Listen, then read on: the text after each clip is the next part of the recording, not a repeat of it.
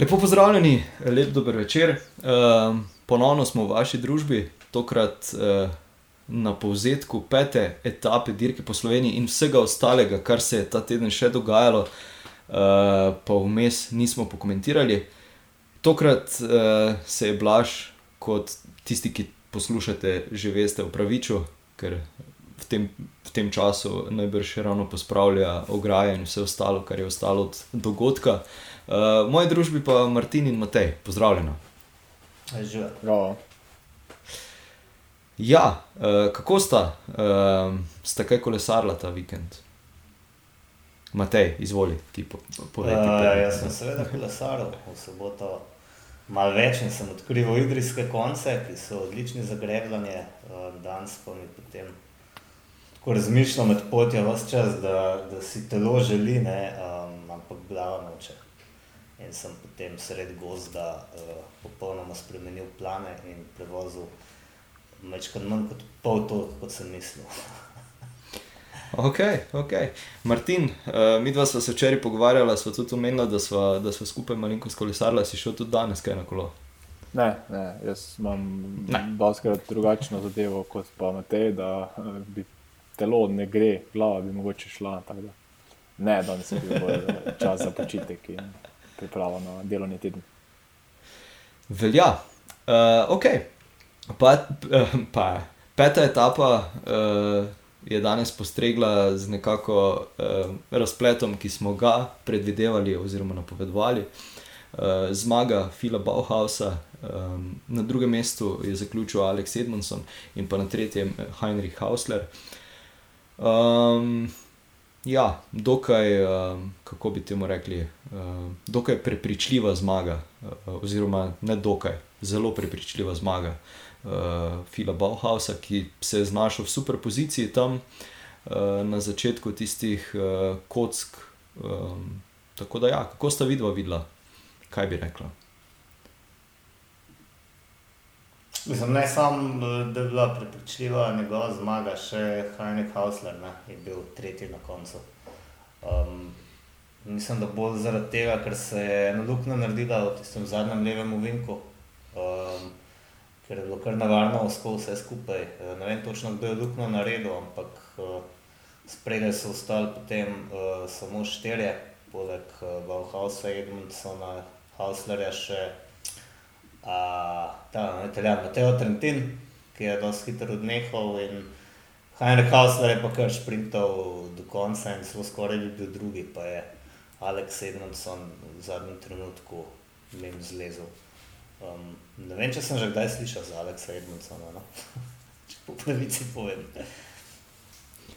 Uh, ja, bi se strinjal. Ja. Kaj pa ti, Martin? Ja, včeraj smo govorili nekaj o teh uh, scenarijih, ki so možni, predvsem v borbi za, rdečo majico. Omenil sem, da pričakujem zmago Fila Bauhausa, tudi za Mateja Mohoriča, s tem bo poskusil ukraditi uh, te prepotrebne točke Jono Beresturiju. To se je zgodilo in na koncu, kot bi si izračunal, je Henrik Hausler še pomagal dodatno tem tretjim mestom. In, uh, če sem gledal pravo matematiko, mislim, da je Beresturju za dve točki uh, zmanjkalo do, do te rdeče majice, tako da je Matej uspel obraniti, pravzaprav brez. Na današnji etapi ni, ni potreboval um, oddelati nič kaj potrebnega, njegova dva sotekmovalca oziroma ostali ekipni kolegi so mu nekako pomagali tudi v tej zadnji etapi, uh, Phil Bauhaus pa kot si že sam omenil, res, res zanesljivo do, do te zmage. In dokazuje, da je naj, najboljši sprinter bil na tej dirki po Sloveniji že v prvi etapi, potem tam od tretjega ni bilo v zaključku in je to izkoristil v Beresturi. Danes pa spet uh, Phil Bauhaus dokazal, da od teh sprinterjev, ki so tukaj, je on res najboljši. Ja, čeprav eh, vmes uh, je bilo malenkost uh, nesoglasi tam v ekipi, Jan Tratnik je malenkost požugal Matejo, kaj počne tam na, na, čelu, na čelu pelotona. Ja, kaj bomo ja, rekli? Uh... Kako, jaz sem si tudi mislil, kaj pa ti spredaj delaš. Tako, uh, Matej Mohorič, doskrat se mi zdi, da malo potegne ta tekmovalnost. Pa začne privijati, pa mu verjetno res ni bilo treba. Smo videli, da je Tratnik potem praktično sam ujel uh, ubežnike, ne? oziroma največ je on prispeval. Um, jaz sem računal, da bo Mohorič tudi udeležen v sprintu, no? Da bo aktivno branil te točke, oziroma uh, ne točke, rdečo majico, s tem, da še kakšno točko dobi, ker na koncu uh, moramo priznati, da je imel nekaj sreče, no? da je to majico zadržal. Ker um, Abersturi je pač, kot sem rekel, nastala je tista luknja, on je očitno ostal zadaj, če ne bi, bi bil uh, zelo verjetno kakšno mesto više. Um, tako da ja, je brez boja to rdečo majico zdržal, ampak je bilo kar dosti sreče tukaj. Um, so pa slovenci vse štiri majice usvojili, no, glede. To pa je. To pa je. Ja, definitivno. Mislim, žitek eh, smo, smo v vseh eh, epizodah ga omenili, ga pohvalili. Tudi danes je v bistvu eh, pripeljal tole belo majico brez kakšnih eh, težav do novega mesta, Kristjan Hočevar, zaključuje na 19. mestu. Um, tako da se mi zdi, da, da je izmed uh, vseh teh naših slovenskih uh, kolesarjev, tega podmladka, na, najbolj izstopal. No? Uh, sicer ne, ne mogoče. Uh, da bi, da bi kaj aktivno eh, bil udeležen v kakšnem begu ali karkoli, ampak pač, ja, zanesljivo je, je branil tole, jo osvojil in potem branil tudi tole belo majico. Um, so pa seveda kolesari UAE tudi poskrbeli za to, da so, da so imeli štiri kolesarje v deseterici, tako da si tudi oni zaslužijo še dodatno uh, čestitko. Čeprav preden smo začeli snemati, uh, smo se z Matejem pogovarjali, da če bi bili pa prvi trije, tako kot uh, bi lahko bili po včerajšnji etapi, bi pa tudi. Uh, uh, pa ja, ne bi jih imeli v zobeh, tako kot uh, Ineos na ostalih dirkah.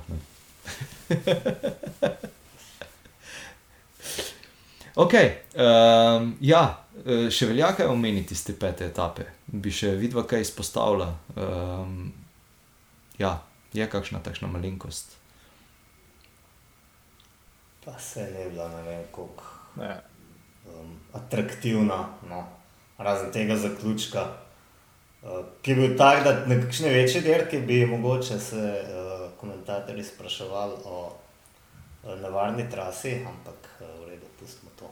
Um, se je ne večkrat manjša grupa kot recimo na Turu. Um, mogoče, če, če ne vem, kaj še pod črto pogledamo. Ne, um, Bil sem menil, da je bil v bistvu Kristjan Hočevar tudi drugi najboljši uh, kolesar iz kontinentalnih ekip. Um, pred, pred njim so bili samo iz uh, Protimov ali pa World Teamov, uh, razen James Shaw, ki se je res odlično pelal, prišel na peto mesto, uh, član uh, angliške ekipe Rebel World Tide Pro Cycling. Um, Ves čas je bil nekje v spredju, tako se ga je videl, ker je uspel stati uh, med prvimi še relativno dolgo, ko so vsi ostali že odpadli. In, um, ne vem, koliko je on sploh strl. 24 se mi zdi, 24, če sem pravilno videl. Ja, mislim, ja. smo če rekel. Da si bo prislužil kakšno. Uh, čeprav, ja, vse možakar je derko, ne. Uh, 2016 do 2018 je on dirkal za Lotus Adal, ne? zdaj gledam. Da mogoče to niti ni tako presenečenje, kot se nam je zdelo. Človek ima tri sezone na najvišji ravni za seboj. Ne? Definitivno se to, se to nekje pozna.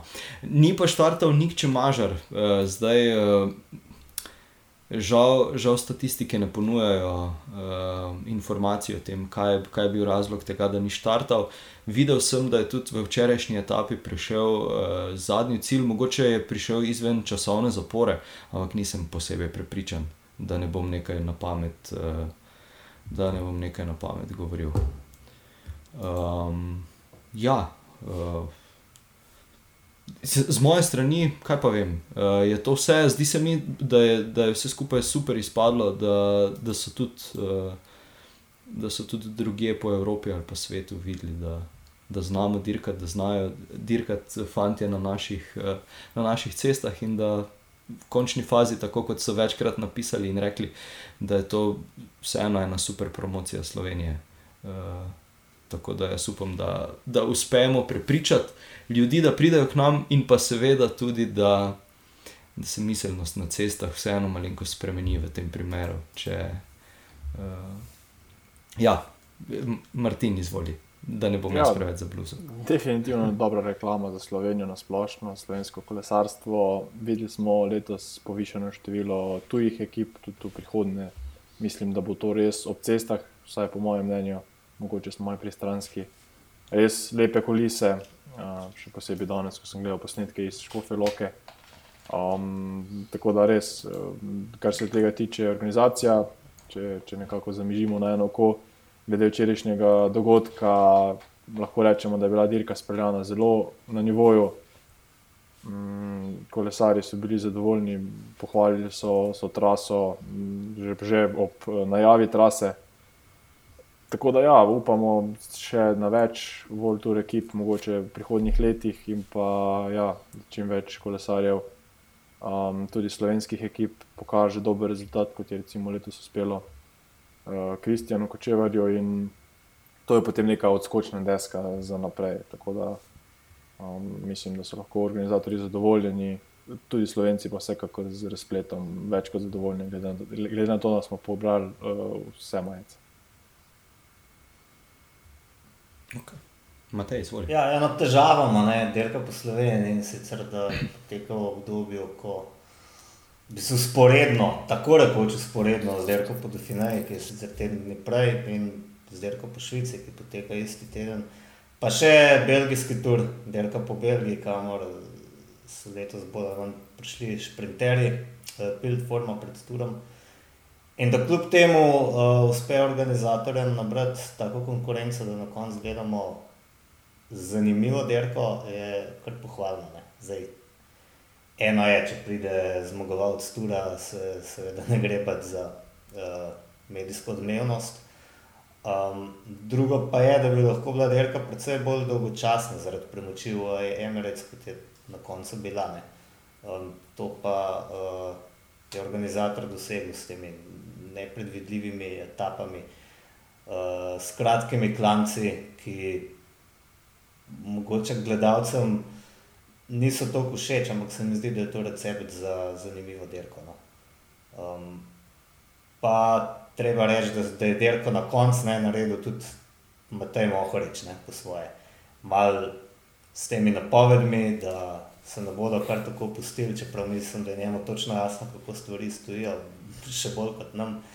Um, on je celo rekel, da je pogačal dva razreda boljši. Um, ampak Vsej, zato pridejo na, na derko zmagati, ne, kako bi izgledali, če bi se že vnaprej oddali in razlagali, da so prišli se samo zraven voziti. Tako da na koncu, evo, kljub temu, da kljub eni močno izstopajoči ekipi, kljub temu, da to je ena od treh, tako rekoč, derk, zelo velikih derk, ki poteka, pa štirih celo še, ki je v Franciji se nekaj dogajalo. Um, torej, semenitna derka. No. In še ne, meni grede, lahko smo dejansko gledali uh, v Sloveniji, uh, ker delke po Švici nismo mogli. Ne.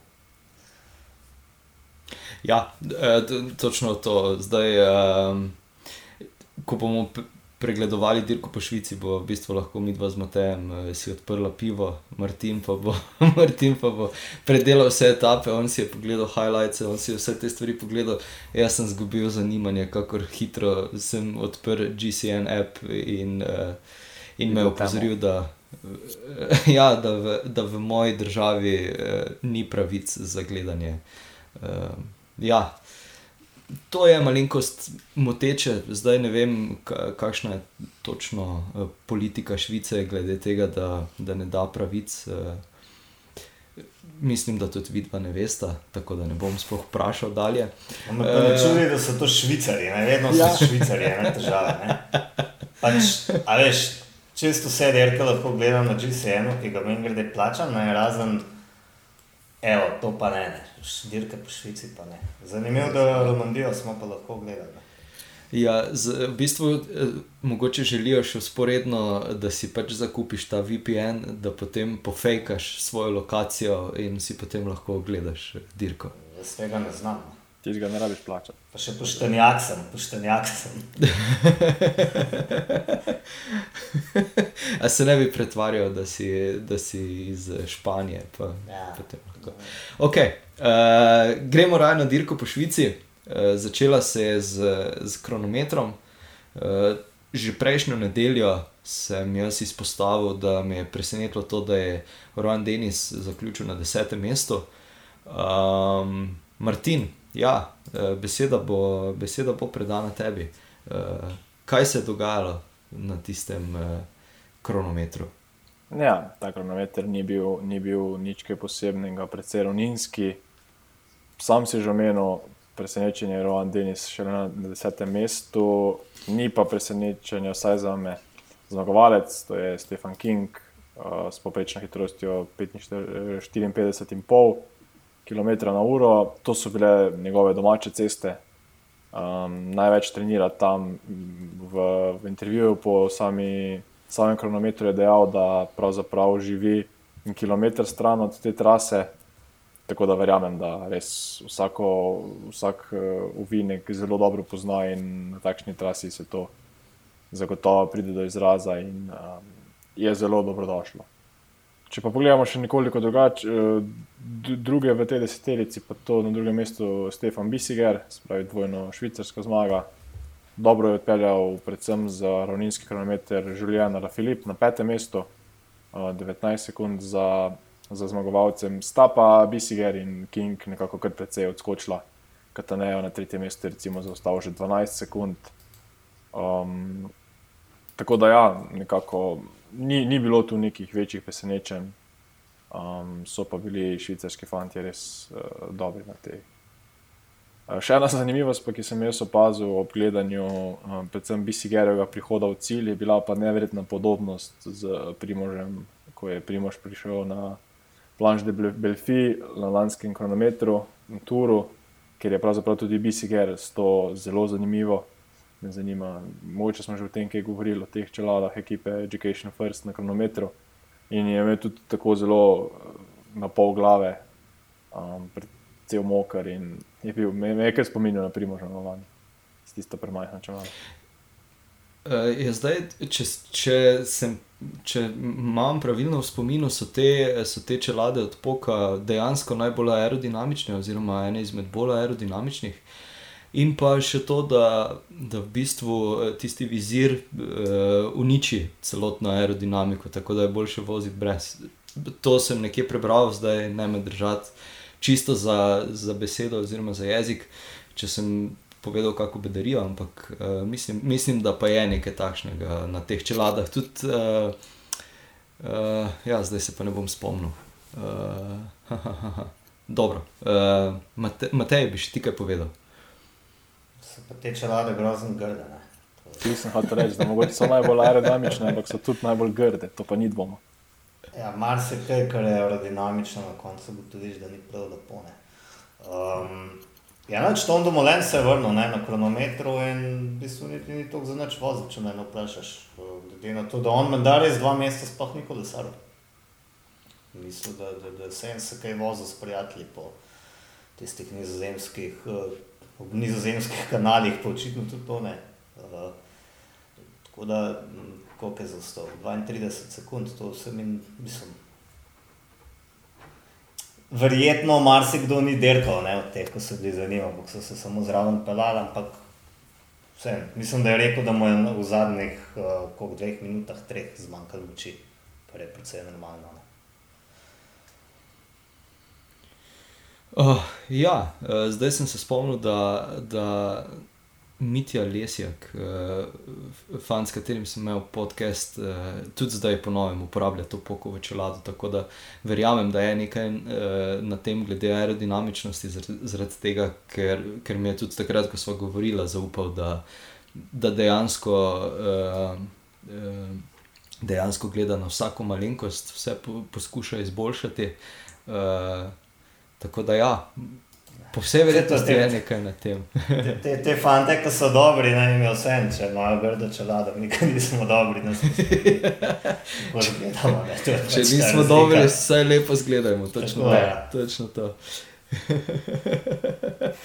okay, uh, že v drugi etapi uh, pa je Matthew Vanderpool uh, pokazal, da mu ta premor od cestnega dirkanja ni nič kaj, uh, ne bom rekel škodo, ampak uh, ja, da, da, je še, da je še vedno v super formi, uh, da, da je pokazal.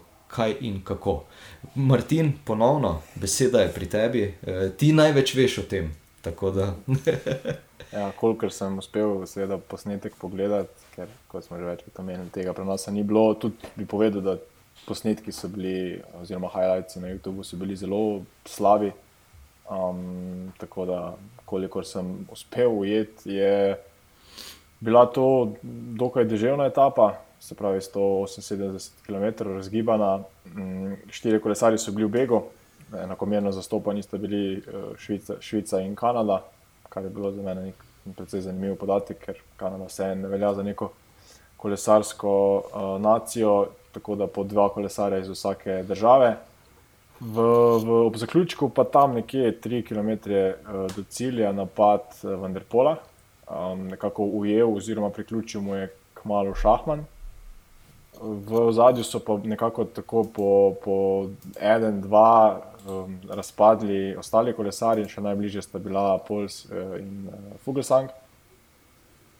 Ni pa, ni pa bila to neka grozna razlika, to so bile par sekund. Um, Pols je dejansko priključil v tistem sprintu um, oba dva, se pravi Vendrpola in Šahmana, ampak mu je vidno zmanjkalo moči za karkoli drugega, tudi Šahman na koncu ni imel tega dinamita in je Vanderpol kar prepričljivo prišel do zmage, kar ni bilo sploh presenečenje v tej grupi, je Vanderpol bil daleč nekako najmočnejši. Eh, potem v tisti prvi skupini za njima je pa so pa prišli kolesari kot so Mark Hirši, Richard Carapaz, eh, Woods, Ala Filip in pa Fuglesang, to so nekako bili tisti glavni pretendenti za generalno razvrstitev, ki tu niso zaostali. Um, tukaj je King še v bistvu ohranil skupno vodstvo, um, Matthews je pa potem tisto drugo grupo, ki je prišla nekje pol minute za, za to prvo, dobil tisti sprint, tako da to je lažilna nagrada, mogoče za, za Michaela Matthewsa. Mm, ok, okay. Uh, Matej, bi ti tukaj še kaj dodal?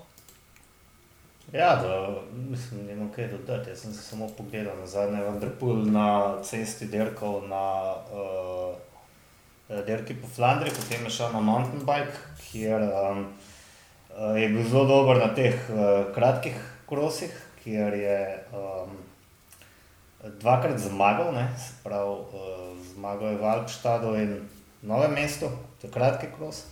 Uh, v dolgem krosu ga je pa prehitel nihče drug kot Tom Pitko, ki zdaj eh, očitno zelo uspešno celi uh, zlom ključnice in že kot nasari, par dni po zlomu. še, še en čudak. Normalno. Uh, iz te scene. Um, tako da, evo, ne, se ni poznal, vendar pudo očitno to, da ga dolgo ni bilo na cesti. Ne. Ali mu je pa mogoče celo pomagal, ne, da je šel malo na mountain bike nazaj. Tudi možno, tudi možno. In uh, pot, tudi v tretji etapi uh, je on slavil zmago. Um, zdaj, tukaj, tukaj, kar berem uh, Martinove zapiske, da se še jaz malenko spametnega naredim, je to, da je 25 km do cilja na sponu uh, ruš napadlo Matthew Vanderpool. Um, Martin, tebi pa ponovno predajam besedo, uh, da nadaljuješ to mojo misel. Ja, to je bila neka tako razgibana etapa in v tem, tem sponu, ki si ga omenil, jaz ga niti raje ne bi prebral, ker zagotovo ne bomo, ne ti, ne jaz, pravilno izgovorila. Uh, je vendar pol nekako napadel, oziroma pospešil, navil nekoliko hitrejši tempo. Tam so mu sledili kolesari, ki sem jih že prej omenil, se pravi Julian ali Filip, potem bil tu Karapas, Fuglesang, se pravi kolesari, ki so bili. Ki so res najboljši, oziroma uh, ciljajo na skupno vrstitev, glavnina pa ni bila tako zelo daleč, se pravi, niso si nabrali neke večje prednosti in ta spon niti ni bil tako daleč, da bi kdorkoli od, od zadaj, ki je računal na to zmago, na tapno zmago, paničaril. Na spustu pa je potem Ala Filip, kot ga poznamo, specialist tudi za spuste, mm, napadel in si privozil nekih 10 sekund prednosti. Ampak tudi to ni bilo. No. V poznožju uh, spusta, nekje 18 km do cilja, so ga ujeli in nadaljevali, v sprintu pa nekako bil spet vendar pol že takoj, ko je pospešil dve, tri dolžine hitrejši od vseh ostalih. V ozadju je nekako uh, Ala Filip eh, zaprl Matjusa, zato ta ni, ni v bistvu tistih prvih sprintov, ko je vendar pol pač potegnil, niti ni mogel iti za njim. Uh, kasneje pa niti ni prehiteval Ala Filipa in um, bil je šele četrti. Um, tudi Kristof Laport, recimo, je bil pred njim. Um, Laport je dobro od sprinta, ampak ponovno v Drpolu, vsaj za, za razred boljši. Eh, ja, zdaj tukaj, ko gledam prvih deset, me res eh, preseneča Kristof Loport na drugem mestu. Um, Matej, bi, bi ti kaj dodal, bi kaj rekel? Mi dva smo danes v nevednosti. Ne? Vse ja. stvari prvič slišiva, prvič vidiva. Vedel sem, da je vendar pol dve etapi zmagal, ampak več od tega pa ne.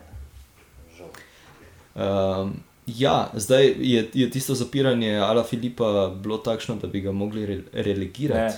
Ne, ne, ni bilo, ne, ni bilo okay. v bistvu sploh v tem smislu uh, namenoma zapiranje, ampak enostavno bili so nekako že.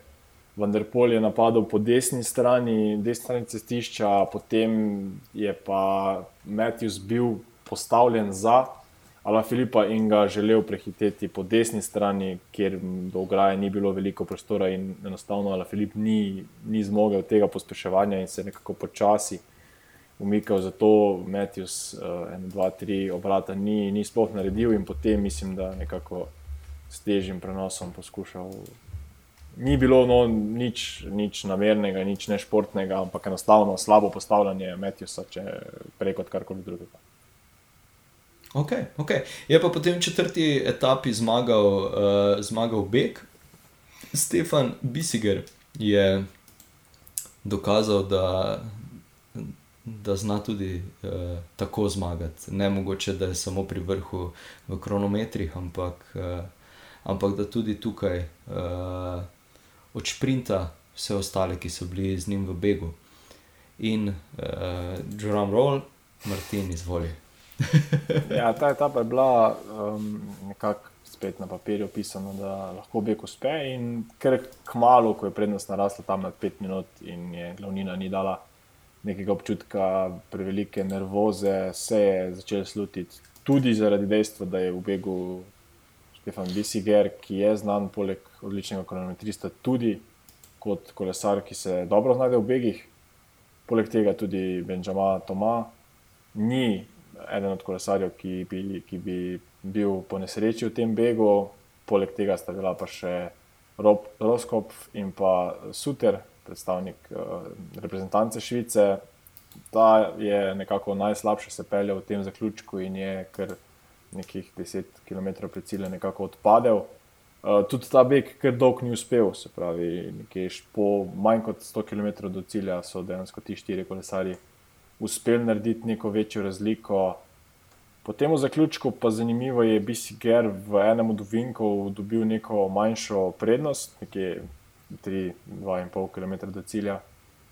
In poskušal s pospeševanjem. Vemo, kako dober kronometrist je, eh, se pravi, takšni zaključki ne bi smeli predstavljati eh, nobenega problema in je želel nekako preprečiti, da bi prišel do sprinta. Neki prednosti si je, spravi, par, par dolžin je naredil razlike, ampak sta ga, sta ga priključila, Toma in pa Roskop. In v sprintu nekako je bil Toma najbližje, ampak eh, nekako ni uspel uh, zaobiti Bisigerja, ki je tako prišel do zmage um, na zelo zaslužen način, ogromno je pripomogel k temu begu in tudi na koncu v sprintu bil najmočnejši. Super, super. Zdaj, uh, potem peta etapa, vem, uh, oziroma slišal sem, kaj se je tam zgodilo, zaradi tega, ker je bil celotni internet uh, poln uh, razno raznih, uh, razno raznih. Uh, Kot memes, ja, teh slik, kjer se delajo uh, po eni strani norca, kakorkoli, zabavnih slik. Tako, uh, da, je, da je bil Matthew Vanderpool v Begu, uh, kar je zelo neznačilno za, za več etapne uh, dirke, ampak najbrž je vedel, da, da, da mu pač uh, vse skupaj, mislim. Da te rumene majice ne bo zadržal do konca etape. Uh, ali, ali meniš, da bi, da bi mu uspelo, če bi se malenkost bolj pametno peljal? Ne. Razlike, ki so bile potem na koncu tega klanca, so bile prevelike. Enostavno, tudi že na desetem mestu sem omen zaostal več kot minuto.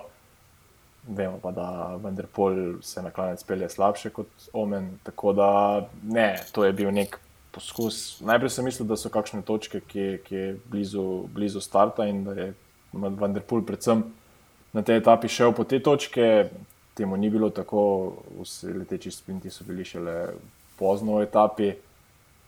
Tako da ne, jaz bi rekel, da, da vsekakor to ni bil njegov, njegov glavni cilj. Ne vem, tu po pravici povedano, si nimam nobenega mnenja, čemu, čemu ta odločitev. Ok, uh, Matej da, da nam ne zaspiš tam na tretjem mestu, na tretji kameri, kjer ja. si. Uh... ne, samo rezultate gledam. In, um, kot vidim, se je Michael Woods vedno dobro pelal. Uh, me zanima, no, kako boste funkcionirali na turu skupaj z Denom Martinom. Um, Krisa Frumak sreče ne bodo vzeli ekipo, tako da bo šla ona dva. Uh, um, lahko še lepe etapne, etapne rezultate dosegla. No? Za generalno pa mislim, da ne bo šlo predaleč. Pa se do tura je še daleč, mogoče še frum pride v formo. Dokler je tura. Ja, dobro, dobro. Okay, eh, šesta etapa, zdaj eh, vidim, da je bila dokaj kratka, 130 km gorska etapa. Uh, tudi, tudi iz te etape vem, kaj se je zgodilo na koncu, zaradi tega, ker, ker je tudi bilo nekaj polemik. Uh, jaz moram priznati, da takoj, ko sem videl posnetek, kako je Rui Costa uh, zaprl Andreja Sakrona, sem rekel, da pač, če, če pa zdaj ne bo relegiran, pa, pa ne bo nikoli. In res se je tako zgodilo, tako kar nonšalantno ga je zaprl, uh, tudi potem, ko je. Andrej Skron uh, mahal proti njemu, najbrž povedal, kakšne sladke besede uh, je Rui Kosta, ker uh, se, se delal, kot da ga ni, ga je kar ignoriral. Uh, kako si ti to videl, Martin? Martin, Martin. Ja, to je bila nek, mislim, več teh, um, teh zapiranj smo že videli, in tudi jaz sem bil mnenja, tako kot je Rui Kosta preč kot ciljno črto, da to je ta njegova zmaga, ni bila glih poštena, nisem, mislim, nisem vedel, kako bo Vuci odreagiral, ampak uh, definitivno je bila to prava odločitev, vsaj po mojem mnenju. Um, Andrej Skron si je tudi že v begu kar precej, uh, precej delovno, ne moram reči, da, da ni zasluženo zmago, medtem ko je Rui Košta bil predvsem um, nekako zatišil, vedel je, da je najboljši med sprinterji. Um, kar na koncu moram reči, da sem bil presenečen, kot je Andrej Skron spet res odlično odsprintal. Bi, vsaj po mojem mnenju, tudi če bi bilo vse, vse popravljeno, tudi zmago, tako da na koncu ta zmaga, ki so jo za zeleno mizo um, pripisali, popolnoma zaslužena. Matej, ti si videl tale zaključek? A, ne. Ne, ok. okay. Zdaj... ja, veš, če me ne, ne dajo dirke, jo bojkotiram. Ja, ja, to zdaj. Zdaj je naslednje vprašanje, bo, ki ga, ti ga bom postavil, boš pa znal povedati, kaj, kaj je o njem. Zato, nisi tako ignoriral dirke. Ne? Torej, eh, tista prepoved uh, balance, tiste aerobalance.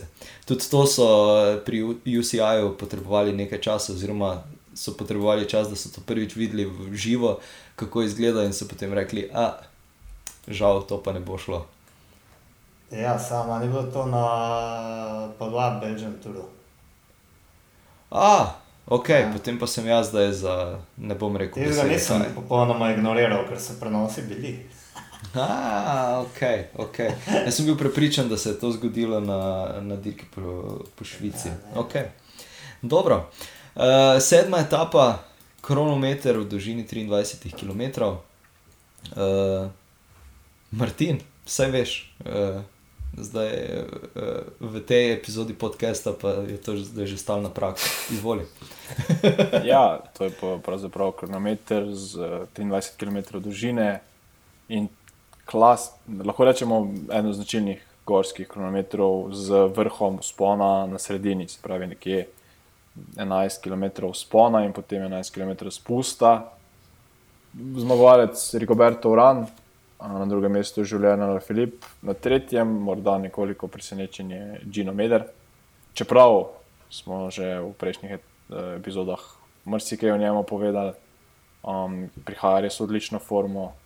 Uh, enak čas z njim tudi um, Karapas in pa že potem na petem mestu Tom Dumelen, ki je na teh, na, na dirki po Švici ustrajno pridobival zaključek, mislim, um, pridobival zaostanek, na tem kronometru pa je pokazal, da se še vedno dobro pelje, da mu ta pozicija tudi na kolesu uh, ni tuja. Tako da morda se pa sestavi nekoliko za, za recimo olimpijske igre ali pa za svetovno prvenstvo. Um, Štefan King pa še le na desetem mestu, ampak kot sem že omenil, to ni bil klasičen kronometer, tako da tudi njegova samo vrstitev ni tako veliko presenečenje.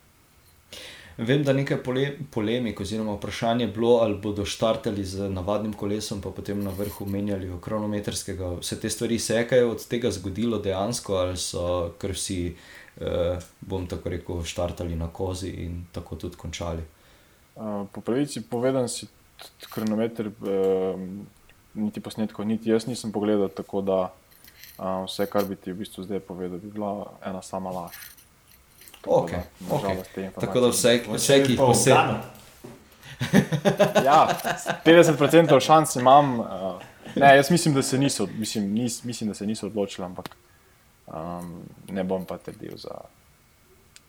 Okay, okay. Se, moram priznati, da tako kot sem rekel že na začetku, tudi jaz, ko, ko sem videl, da ne moremo gledati Švice, sem, sem potem kar vse posod na pol ignoriral vse te novice, ki so jih ki so jih ponujali eh, skoraj da na pladnju. uh, ok, uh, osma etapa, zmagovalec eh, Gino Mader. Uh, mogoče bo pa zdaj začel serijs, serijsko zmagovati, ko je v knjižni tisto svojo prvo, prvo zmago uh, na World Tourih. Uh, tako kot si rekel, Matej, na drugem mestu Michael Woods, ki se je kot zgleda dobro vozil, in pa na tretjem Matija Katanejo. Um, Martin, kaj bomo rekli? Ja, zdaj, glede na to, da snemamo etapo tri ure po, po zaključku et, uh, dirke, ni seveda bilo na voljo um, posnetkov, tako da spet karkoli uh, bom sedaj povedal, zgolj samo iz številk uh, na cilju. Ja, Gino Meder in Michael Woods sta si prevozila nekaj 10 sekund prednosti. Pogledal sem si, preletel nekako te live stats na, na ProCycling Stats, vsaj to so nam nekako um, podali na voljo, tako da nekaj, nekaj vem, kaj se je dogajalo. Um, vse skupaj se je, se je začelo nekje tam um, 15 km uh, do cilja. Um, ko je že Michael Woods v bistvu sam napadel. Uh, za njim je bil um, Gino Meder in pa Mateja, uh, Matija Kataneo. Potem, kasneje, kasneje se, se je Gino Meder uspel priključiti um, Michaelu Woodsu in tudi v, v samem sprintu nekako ujel, na tretjem mestu Matija Kataneo. Uh, potem pa v tej grupi s Katanejem so prišli še Edi Dunbar, ki je osvojil majico za najboljšega mladega kolesarja, uh, skupni zmagovalec Karapas, uh, Košta, Uran, Pocovivo, Fuglesang. To so pravzaprav kolesari, ki so bili najboljši tudi v generalnem razvrstitvi, tako da nekih večjih presenečenj tu ni bilo.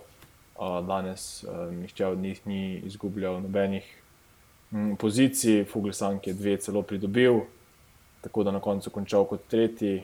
Um, Karapas pa je s 17 sekundami prednosti pred Rigobertom Moranom nekako dobil to dirko. Um, Mogoče reči, predvsem nobeno presenečenje, bil je prvi favorit, vse nas je zanimalo, kako se bo peljal. Predvsem s pogledom že na dirko po Franciji. No.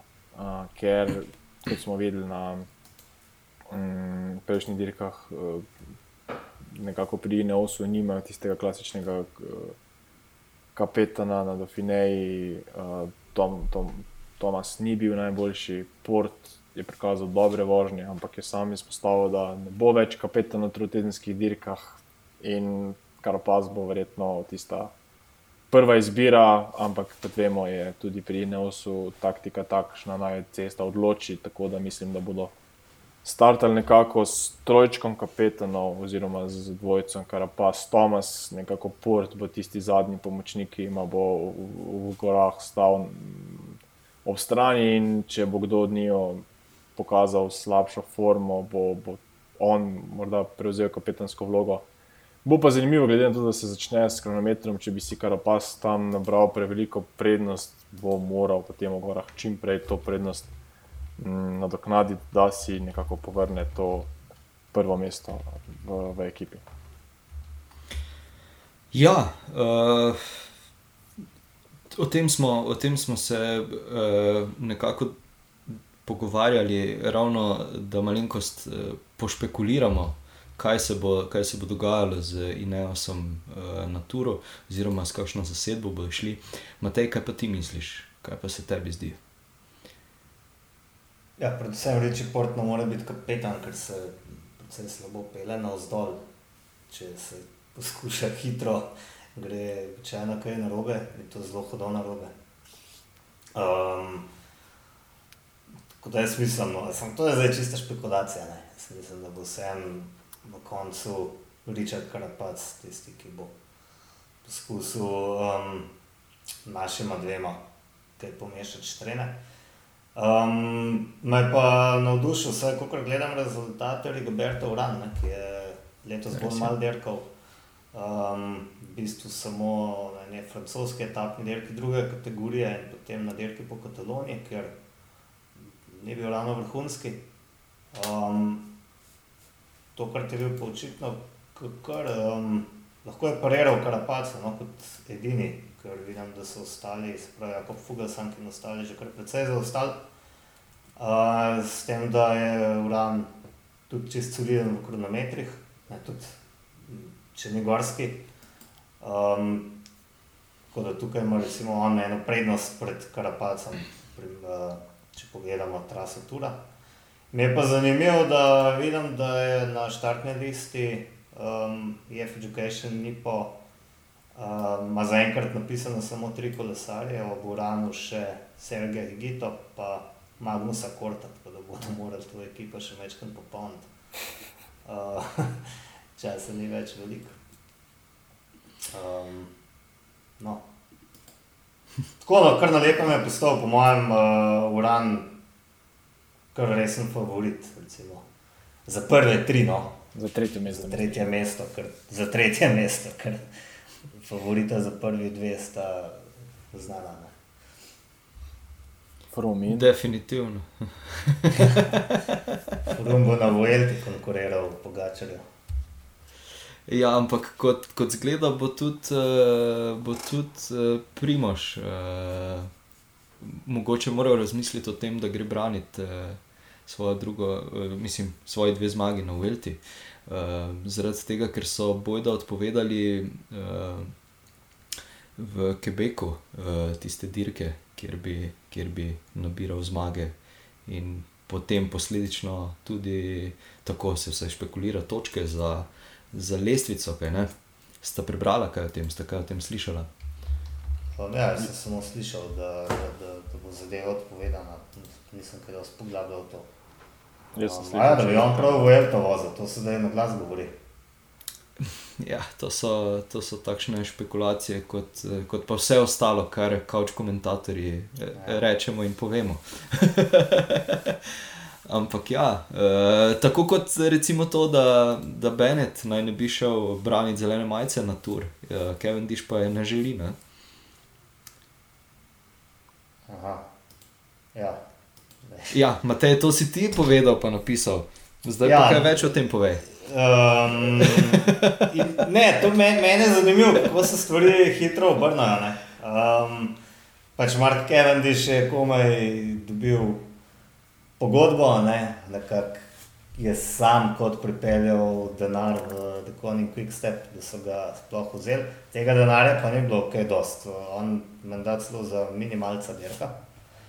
Um, na kar se zgodi, da pač um, uh, tale, no, kaj je tale, Jerc, šprinter. Sam Bennett, uh, lansko letna zelena majica, uh, si poškoduje koleno in uh, se zdaj vsi bojijo, da ne bo dirkal na turu in ima na lepem Patrik Lefevre težavo. Ne. On je izpostavil v svoji kolumni, ki piše za Hate News Blood, uh, tudi to, da kolesar do konja Quick Stepa en mesec ni zmagal sploh, niso zmagali dirke in to je panika, ne? to je ekipa, ki zmaguje serijsko, ki je že zadnjih nekaj let uh, najuspešnejša po številu zmag, zdaj pa nič.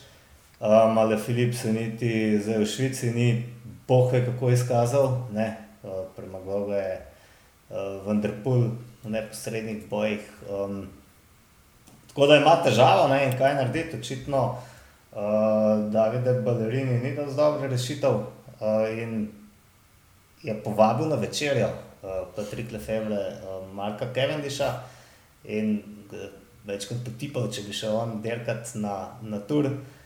In on je mirno rekel, ja, ampak ne za ta denar. ne." um, po svojega moramo razumeti in ga razume tudi Lefebvre, ker um, Cavendish ima problem, ne, se tudi mi smo ga uh, v mesoreznici lepo mleli. Um, uh, vsi, pričaku, vsi se že dolgo sprašujejo, ali bo prehitev po številu zmag Edija Merksa. Uh, in čim se bo pojavil na štartu na Tulu, se bomo spet o tem začeli si spraševati, cel cirkus bo. Uh, če mu ne bo šlo, ga bojo spet pekli na ražno in tako naprej. In, na vse zadnje se zato želi biti dobro plačan. ne. In zdaj ima na lepo dobro pogajalsko izhodišče. In da je mera polna, ne, danes uh, Mark Cavendish Zmaga. zmaga na dirki po Belgiji, v zadnji etapi. Uh, in to niso bile take zmage kot na dirki po Turčiji, uh, ki je bila sicer enako kategorizirana, torej pro-dirka, tako kot belgijski tur, ampak tam je šprintov proti Timu Meljeju in to je bilo bolj ali manj to. Um, Danes je pa zmagal ne? in to premagal je Meljeja, Paskala Ackermana, Keleba Ivana, skratka vse, ki nekaj veljajo v šprintu. Uh, in na lepem se lahko vprašamo, ali lahko zmaga na turu še 31-tič, ne? mogoče celo 34-tič. Uh, to se mi zdi ena tako zanimiva zgodba, kako so vse obrnjene. Ja, res je. Res je v trenutku. Um, zdaj, da se vrnem nazaj, še eh, prej smo sicer obdelovali dirko po Švici, še, še je kakšna informacija okrog, teh, eh, okrog te bilance, ki smo jo prej izpostavili. Še imaš tam kaj mogoče zapovedati? Si se tam še kaj um, poglobil v to temo mogoče? E, jaz sem se v to balanco poglobil že konec prejšnjega leta. Um, to je bila taka zelo skecna balanca, ki so jo predstavili kot aero krmilo za cestno dirkanje. Ne, um, ne vemo, poznate to balanco. To gre za speko aero breakaway krmilo, ki so ga razvili skupaj s tem možakarjem, ki je zdaj prišel uh, spet v medije, to je Jan William Van Schip. Uh, on je že leta 2018 ali 2017 je bil um, izpostavljen kot človek, ki vozi v, uh, na, de, na cestnih dirkah z balanco širine 32 cm. Ne? Ne povem, da nekako odvisno od velikosti, neki rekreativci vozimo 40 do 44 cm široke. Um, on je imel v bistvu tako osko krmilo, kot da bi dirkal na, na pisti, tam se ima ože. Um, običajno je sicer, da se dirka v pelotonu z 38 cm. Um, to je bil pa res kar ekstrem. No, in zdaj so pa razvili to krmilo, ki ima v bistvu zelo. Um, za integrirano krmilo, torej skupaj sta uh, fajfa in oziroma opora krmilna in krmilo sta v enem kosu. Uh, zelo kratko oporo, 7 cm in temu primerno daljšimi um, temi zgornjimi, zgornjim delom. Uh, vse to je pa namenjeno temu, da lahko sloniš na krmilu. In obenem je krmilo zelo osko in uh, normalno je to zelo aerodinamična zadeva, To so predstavili konec lanskega leta in vsi smo se malo smehljali. Na Cycling Tips so bili recimo nad tem navdušeni. In potem, kot naročeno, pridejo ta nova pravila, uh, po katerih naj se ne bi naslanjal na krmilo s podlaktmi, ki naj bi jih to krmilo zaobšlo. Ne. In jaz sem uh, na Rundi že takrat napisal, no, no čakajte, fanti, bomo videli, kaj bo, ko se bo prvič nekdo s tem pojavil na derki. In evo, bum. Um, sred dirke po Belgiji so njemu to krmilo namestili, na mislim, da je bilo to tretja etapa, gre za ekipo Beat Cycling, Dead Cycling, kako koli. In on je uspešno s, to, uh, s tem modelom Aero Breakaway bežal, ne? kaj pa drugega. Um, dobil dovoljenje, da z njo štarta na sami dirki, uh, na kar so očitno pri UCI-ju to krmilo videli in še huje videli so, kako ga drži. Ne? da torej počiva na njem, kot da je na kronometru. In, in to na lepo mi je bilo več všeč, da so rekli, hop, to pa ne, ne. zdaj pa. uh, in zdaj so mnenja malo deljena, no? tudi v pelotonu so bile pritožbe, Ryan Malen in Jonas Reikert uh, sta, mislim, da na Twitterju se pritoževala, češ kako je to sploh dovoljeno. Um, ne vem, Meni men te stvari niso všeč, prvič, zato ker so drage, zadeva stane 1500 evrov, ker ti jo naredijo po meri, ne? seveda, te krmilo je dolgo, odvisno od tvojih želja, od tvojih mer. In me tako malo, veš, zdaj bojo rekreativci še za to zapravljali. Ja, denarja, Že, že od začetka, ko si začel razlagati, mi je samo šla tista začetna misel uh, od tebe po glavi. Torej, ponavadi so aerodinamične stvari grde, zato ker je grda kot pes. To, mislim, res ni, to ni lepa bilanca. Ne, ne, ne, uh, tudi, oprosti. Ja, ne, sej, uh, izvoli, izvoli, bom, bom kasneje. Ne, tudi tako dosta navarno, vse en zgleda. No. Jaz nikoli ne bi tako oskim krmilom se upal iti peloton. Ne? V redu, nisem tako usposobljen kot recimo Van Šip, ki je drugač uh, pistaš, uh, dirko je na velodromu včasih. Um, spodnji del je sicer razširjen, ne? tako da na krivinah je krmilo širše, ampak vsem zelo dolg, mislim, večino časa držiš krmilo vsem na vrh, na, na, na ročkah in mi ne deluje no, najbolj varno. Uh, ja, zdaj se spomnim, da uh, v sredo, ko sem poslušal uh, dirko po Sloveniji samo v, v audio obliki preko Eurošporta oziroma GCN, sta tudi komentatorja izpostavila, da je nekdo v begu, torej na naši dirki, uh, tudi bežal z super oskim krmilom in celo pač, uh, da je v bistvu uh, cimer taka Vanderhorna, ki je tudi znan po tem, da ima zgoraj zelo, zelo osko krmilo, spodaj je široko. Ampak mislim, meni, meni to zgleda samo še ena dodatna opcija, da se zapletejo eh, kolesari med seboj. Eh, Martin, nekaj si želel povedati, izvoli. Ja, to je v bistvu zdaj že uh, malo nazaj zgodbo. Glede Kevin Diša, Matej je nadaljeval, da so bili z njim dejansko sami najboljši kolesari, oziroma najboljši sprinterji. Pravzaprav iz tega se znamo samo Benet, po mojem mnenju, manjka tudi Nicolo. Um, potem res tu so bili res Bonifacijo, Eva naj že omenil. In ja, ta zmaga pa nekaj šteje. Res, da je to ni dirka najvišjega ranga in uh, Lafevre ne more te zmage šteti v ta post enomesečni. Um, ampak vsekakor v, v tej družbi pa me je prijetno presenetilo. Nisem si pogledal tega sprinta, ampak rezultate so deč. Um, res iskrene čestitke. Kar se tiče pa teh aerokrmil, pa Matej je dobro rekel, da mu to ni všeč uh, z vidika cene. Meni ni spet, blaž bi tu več povedal, ampak kot mlajši kolesari to gledajo, želijo si imeti tak, takšno opremo, ki je, naj bi bila hitrejša. Uh, zato zapravijo nekaj denarja, in potem, če je to nekoliko bolj nevarno, se mi zdi, da pri mlajših kolesarjih še prej pride kakšna neumnost, kakšna res neprijetna nesreča. In z tega stališča ne podpiram te, te inovacije. Po drugi strani pa, če je pa ta zadeva res testirana, res varna, je pa to nek plus za kolesarstvo lahko.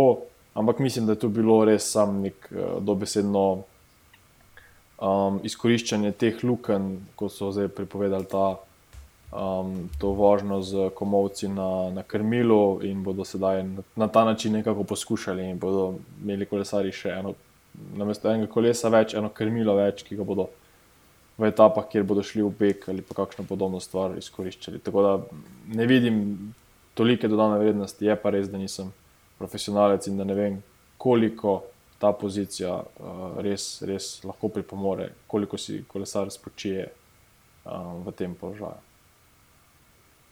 Okay. Uh, Matej, izvoli. Vse to krmilo v bistvu ne omogoča naš drugega kot običajno. Ne? Um, razen tega, da je pač ožje, prav tudi na običajnem krmilu lahko spodaj tmi počivaš uh, na krmilu in ga držiš za, uh, za ročke od predstavno zavorne ročice. Um, samo da je pač ožje, ne? temu primerno si bolj aerodinamičen. Um, Hoče se pač izpostaviti to, to, to, da pa UCI najprej nekaj dovoli, se pravi, komisari na dirki dovolijo, pa potem tam iz uh, Egla v Švici po etapi reče, opala, to pa ne, ne. In potem človeka nič manj kot diskvalificirajo. Eno je, da bi prepovedal, da redo, jutri pa ne smeš štartati, da si poredan. Uh, bojo pač serviserji še eno noč uh, šraufali, ne, tvoje kolo. Um, to, to bo ni ok, to se mi zdi čisto nepredstavljivo vem, za eno tako ekipo, manjšo je recimo, taka diskvalifikacija izključitev dost veliko darc, no, hud darc. Čeprav sem pa po drugi strani vsaj slišal za njo, kaj drugače. Mogoče biti ne bi. Ne. Ja, to je res. To je res. Uh, ok, um, zdaj, če nadaljujemo, tako kot smo si začrtali uh, tole epizodo, uh, nas čaka uh, v četrtek državno prvenstvo v kronometru, v petek uh, pokal Tadeja Pogačarja v Komendi in pa potem v nedeljo cestna dirka državnega prvenstva v kolesarstvu. Um, trase, oziroma trasa je znana, um, na papirju um, ustreza bolj šprinterjem, sta vidva, kaj. Uh, kaj bolj podrobno pogledala, imate kaj več informacij, uh, kakšen insight, karkoli. Kaj nisi rekel, da boš to vprašal, potem bi večkrat eh, poprašal, ja. po Vogali, ja. kako pa nisi se še poglabljal v državno prvenstvo. Vem samo, ne, to, da se pohvalim, da sem uh, videl, ampak ga ne smem nikomor pokazati, ne, uh, dres državne prvakinje, ki ga uh, je dobila Urška Žigart. Um, državna prvakinja v kronometru in tako lep, ne? da res upam, da bo uh, eh, ubranila naslov. Najlepši res uh, držav, slovenskih državnih prvakov do slej. Zdaj ga bo prvič nosila. Ja, mislim, da ga ne sme na državnem nositi. Ampak eh, do zdaj ga ni nikoli nosila. Zakaj? Ja, ne, nekako je tako bilo. Mislim, to je res smola. Mislim, ne, ja, jaz smola. mislim, da ga ne, mislim, na državnem mislim, da ni, ni dresov, ampak res škoda no, za njo, sploh ob dejstvu. Popolnoma drugače je voziti, verjetno v majici državnega prvaka. To je neka majica, ki si jo zaslužil in Nažalost, očitno se je Urški res to nekako poklopil letos, smola, tudi verjetno korona malo pripomogla s tem ženskih dirk, so kar nekaj odpovedovali, da ni prišel kronometer sploh do izraza. Ampak Ja, ima to motivacijo, da zmaga. Ne? To pa ja, bistvo. tu se, tu se lahko v bistvu vrnem, vrnemo, vrnemo na tisto, kar sem, že, kar sem že prejšnji teden rekel, da pač ne vem, dirka po Švici eh, za, za moške traja 8 etap, eh, dirka po Švici za ženske 2 etapi, kar je bolj kot ne, mislim, jaz bi se počutil, kot da se delajo norce iz mene. No. Uh, tako da ja. Uh, ampak to je tisto, tisto večno vprašanje.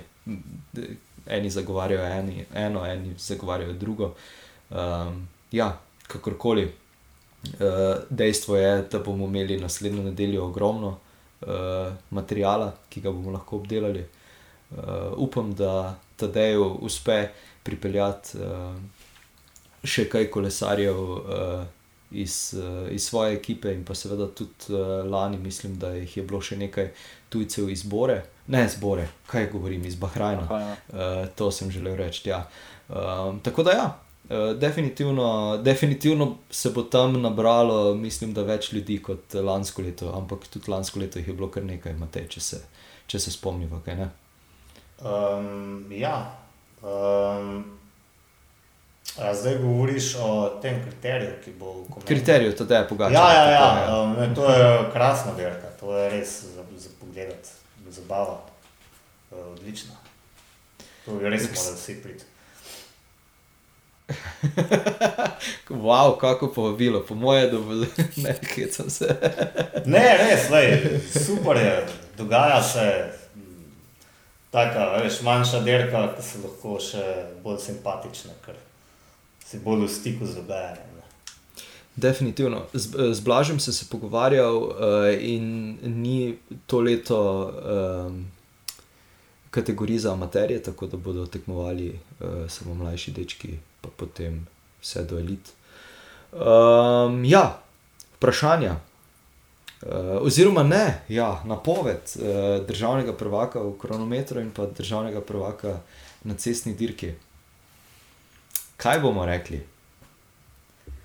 A Zdaj, ki vemo, Mezgec je se si upomogel, vidim, da trenira. A, Ne vemo pa nič, ali pride ali ne. Ali. Napisal je, da, napisal je, da pride na državno prvenstvo. Potem bi jaz, V enem od komentarjev na Facebooku. kljub vsemu, bi pač njegovi situaciji v zadnjih dneh bi, bi napovedal na cestni dirki zagotovo njega. Um, na, na kronometru pa da bo nekako tedaj obrano um, to majico državnega prvenstva. Mi prvak. Ok, ok, Matej.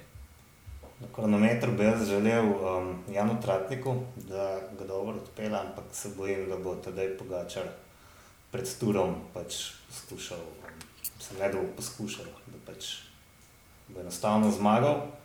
Za cestno dirko pa ne vem, ste mogoče videli, kako uh, Matej Mohorič pride. Zadnjič na dirki po Sloveniji. Tako da um, mislim, da je kar uh, Mohorič favorit. Ja, zdaj uh, Jana in Mateja sem tudi jaz želel napovedati. Torej, Jana za, za kronometer, pa Mateja za cestno dirko. Uh, bomo pa videli, koliko smo, bom temu rekel, trofli ali pa falili naslednjo nedeljo. Uh, zdaj pa gremo k vprašanjem. Martin, izvoli, dam tebi uh, besedo. Um, ja, v, v luči državnega prvenstva je moje vprašanje, kdo je največkrat usvojil um, naslov državnega prvaka na cesti, kdo od slovencev. Ja, jih ni bilo več. Po mojih podatkih, če te podatki držijo, potem ne. Okay. So pa to leta bila 1990, 88, 92 in pa 89. Nekako v random vrstnem redu očitno to zapisano. Uf, to pa daleč nazaj si šel. Žal, žal mi je tukaj, ne bom raje niti odgovarjal, ker ne vem. Ta kolesar je bil Jure Robič. O, okej. Jugo. Aha. Um, Okej, potem okej. z dvem naslovim so pa tu Luka Pibernik, Tadej Valjavec in pa Mitja Mahorič. Ja, ravno zaradi tega, eh, ker, ker sem jaz gledal od. eh, Možno, možno. p- Preden smo začeli snemati, sem gledal pač, eh, od leta 91 dalje, ko smo se osamosvojili. Aha. Uh, tako da, ja. Okay, Okay, ja, mislim, okay. okay. zanimivo, ampak PCS, PCS, to so PCS podatki, tako da možno niso najbolj zanesljivi. Ima pa možnost, da se. Luka Mezgec nekako in tudi, seveda, uh, Matej Mohorič uh, pridružita te, te skupini z po dvema zmagama. Res je. Ok, Matej. Uh, jaz sem pa pogledal, mal, uh, kako je Cavendish zmagoval na Turu. Vemo, 30 zmag, um, vsi ga primerjajo z Edem Merksom, potem število zmag. On se vse čas brani, da nikoli ni tekmoval z Merksom, ampak to pač, uh, ko dobijo medije v paco, več ne pomeni. Um, zanima me pa, kdaj, kje, le rečemo, kjerga leta je prvič zmagal uh, etapo na Turu in kjerga leta zadnjič. Uh, zadnjič uh, bom jaz rekel, je pismo 2017 se je takrat zapletel z, z Takrat zmagal. Saganom, ne? takrat ni zmagal. Leta ni zmagal. ne. Sam če je zmagal 2016, tam ne vprašanje. Hmm. Uh, nekako v spominu imam, da 2015. Uh, ne, celo 2015 je, bila relativno, je bil relativno slab tur, ker je zmagal samo enkrat. Ne. Um, leta 2016 in to okay. zmagal je štirikrat. Okay, okay. Prva zmaga pa To je bolj da je- presenetljivo. Mislim, da je os. 2-7. Ni 8 turov zapored uh, zmagoval. Ja, ne, mislim, da šest, ker leta 2014 gospod Bloni. Aha, no. Ja. Um, Dva, ni 2-7. Ne, leta zdaj je 2008 je pa prvič. Aha. za takratno Kolumbijo uh, zmagal celo štiri etape. Drugače najuspešnejša je bila pa sezona 2009, ko je zmagal šest etap. To je pa kar uh, podobno. Dobro. Po mojem se je že takrat začel govoriti, da je bil Evo Erija Merksa. ne. In ja, edino leto, ko v bistvu niti, mislim, da niti ni nastopil, no, je bilo leto 2014. A. Um, tako da to je to. Velja. Pa velja. dodajmo še 8 zmag na Džiru, ne, ki jih je leta 2012 pa 2013 dosegel. in 2013 je Roza Majca oblekel, ker je bilo v prvi etapi, uh, je zmagal v šprintu. Res eh, lep palmaris. Ne? Ne? Ja, mogoče, ko to pogledaš, ko, ko, ko to pogledaš, si ti si res zaželiš, no, da bi dirkal tudi letos. Ne. Ker Kdo pa je leta 2008 zmagal in lahko mogoče še 2021, če se vse poklopne. Ja, eh, predvsem tukaj, če se vse poklopi. Eh, Ker na tur, koliko kolik sem lahko ošvrknil pogled po štartni listi tistih ekip, ki že imajo zapolnjene, je kar huda konkurenca. Ja, če bo imel a veš, dober vlak, ne, ker ga bo Dikoni Quick Step imel, gled, se lahko zgodi. Mislim, boljših sprinterjev, kot so bili danes, jih praktično trenutno ni, vsaj po mojem mnenju. No. So bili vsi, res pa je, da ni bilo tistega istega nab- naboja, um, ki bo prisoten turu. Ne. Tako da tudi jaz bi si želel Kevin Disha videti v ekipi. Zagotovo vlak bo, um, to, to ne rabimo dvomiti. Ne vemo sicer, kdo bo sprintal za njih, ampak kdorkoli bo sprintal, bo imel dobro podporo. Kar se tiče pa. Je pa še nekaj, ne, vprosti, je pa še nekaj, tur je pač težja dirka, ne. In, um, dosti težja. In vprašanje, če sploh prištivam za, za te dolge, naporne etape. Ja, to, to je tudi vprašanje, res je. Ok, v luči um, naših državnih prvenstev in predvsem tistega kronometra sem pa jaz pogledal in sicer postavljam vprašanje, kdo je v samostojni Sloveniji, Martin. eh, Dosegel največ naslovov državnega prvaka v kronometru.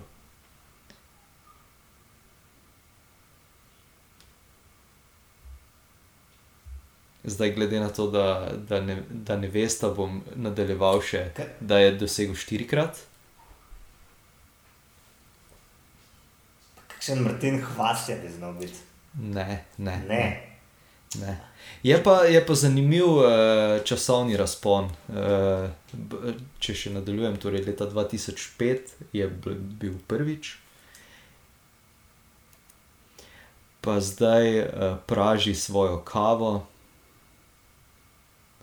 A, res, ok. Uh, Gregor Gazvoda, ne? Jaz mislim, da smo uro še izgubili, ampak Ne, še vedno sem tukaj. Aha. Sicer je nekaj zaštekalo, ampak uh, sem tu. Uh, a sta kaj odgovorila, pa vas slučajno nisem slišal? ja, se zato sem rekel, da smo te izgubili. Matej, ponovi tvoj odgovor. Grega Gazvo, da je bil to. Ja, se je Matej imel prav, ne vem, zdaj Mateja smo izgubili, mi dva. Ok, ok. A, a zdaj pa sem. Ja, zdaj ja, pa si, zdaj pa si imate. In okay. si odgovoril pravilno. Zdaj sem se spomnil na Jana Zajanša, ko so ga tam na eni novinarski konferenci šraufali, pa ni slišal vprašanja. Sem imel prav, ne, Grega Gazvoda. Si, si, Ja, si. res imel prav, res je. Uh, ja, štirikrat je bil državni prvak uh, v kronometru. Kar, kar zanimivo, kar zanimivo, moram priznati. Sem bil presenečen. Um, ok, še velja kaj povedati, še velja kaj izpostaviti. Uh, smo karkoli pozabili, oziroma sem karkoli pozabil napovedati, uh, da bi kdo od vaju povedal. Ja, noč, vej, To bi bilo to, ne? To, to načelo. Velja. Uh, je nič, slišimo se, slišimo se naslednjo nedeljo. Um, do takrat pa fino se mete na kolesu, pa naj vas čim manjkrat dobideš, nekako tako. Pa čim več kav spit, pa piv, pa vsega, kar spada zraven. Pa uživati na kolesu, ne mate. Ne, tako. Velja. Uh, lepo bodite in uh, se slišimo. Čau, čau, adijo. Bravo. Srečno živel.